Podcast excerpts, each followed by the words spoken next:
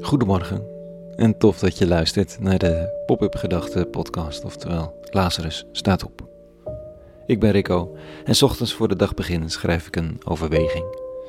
Als een meditatief spel met de oude Bijbelteksten zoals die elke dag gekozen zijn voor de katholieke liturgie. Mijn vraag is elke morgen wat erin zit voor de dag. En het begint altijd met een titel. Vandaag, er zij licht. Pop-up gedachten maandag 8 februari 2021.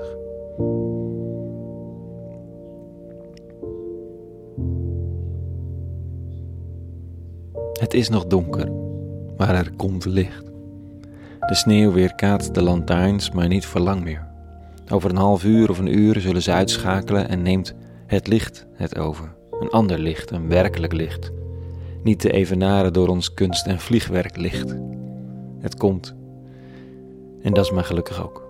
Ik heb alleen maar ooit gelezen over poolnachten waarin het niet of nauwelijks meer licht wordt in de winter. Het lijkt me geen pretje. Licht is wat ons doet zien. Licht geeft ruimte. Licht doet iets met de zwaarte.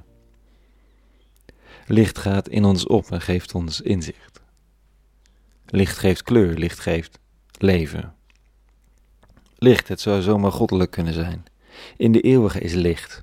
In hem is het in het geheel geen duisternis, schreef iemand ergens in de Bijbelse boeken. We zeggen dat God de liefde is. En dat is ergens geloofwaardig als je lief hebt, als men je lief heeft, als je verbonden bent, vergeven wordt, aangeraakt wordt of hunkert. Maar God is ook licht, de rust van licht. Licht dat elke keer getrouw weer de dag doet beginnen, hoe de nacht ook is geweest. Het prikt in je ogen na een diepe, rustige slaap en kietelt je wakker. Het geeft ruimte na een nacht waarin je liggen woelen en draaien en piekeren en vrezen.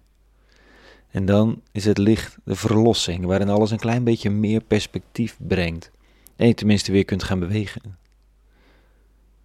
God is licht, zonder voorkeur, zonder offers, zonder soebatten en onderhandelen. Het is er. En je kunt ermee rekenen. Eén keer in de vier jaar een schrikkeldag, omdat onze uurtelling de orde niet helemaal bij kan houden. Zo strak is er weinig rekenwerk in de wereld. Je kunt erop rekenen dat bloesem uitloopt, dat getijden werken, dat planten en bloemen zich een weg banen naar dat licht. Omdat het er is. Een enkele wolk, tuurlijk, donkere dagen, ze zijn er. Maar licht zelf ontbreekt niet. Niet volledig.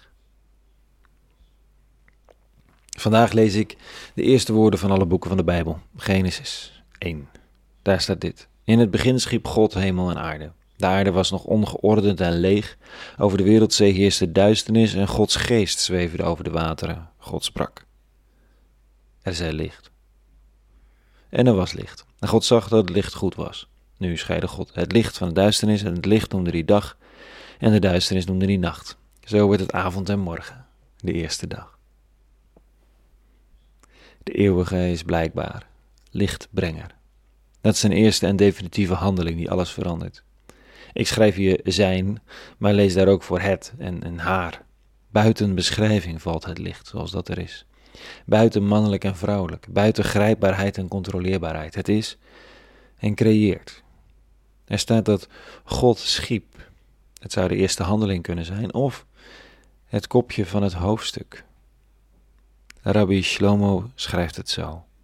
In het begin van Gods scheppen van de hemel en de aarde, terwijl de aarde nog woest en leeg was, duisternis over de oervloed lag en de adem van God streek over het water, sprak God.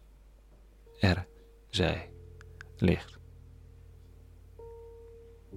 Er is een bol in het heelal, ongeordend en woest, en adem van God streek erover, alvorens God de eerste woorden ooit sprak.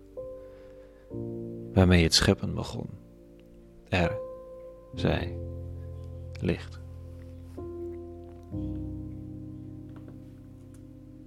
Als het vandaag weer licht wordt, mogelijk achter grijze wolken, weerkaatst in sneeuwkristallen en in de ogen van de ander.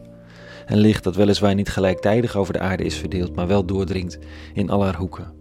Dan herinner ik me de eerste woorden alsof het de belofte is van het karakter van de eeuwige. Dat er altijd licht komt.